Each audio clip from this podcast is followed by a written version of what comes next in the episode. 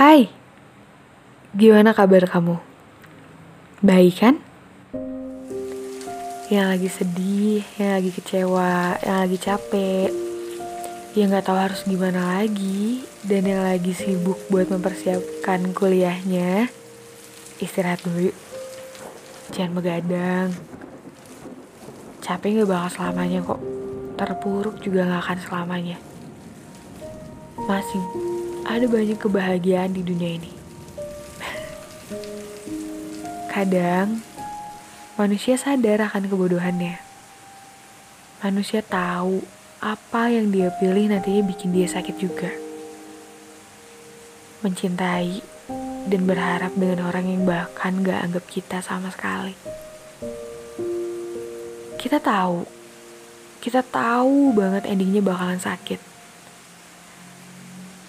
Tapi manusia yang sok kuat ini mencoba meluluhkan karang yang kuat di lautan lepas dengan kapalnya. Bukan karangnya yang hancur, kapalmu. Kapalmu yang akan hancur, Tuhan. Bodoh kan?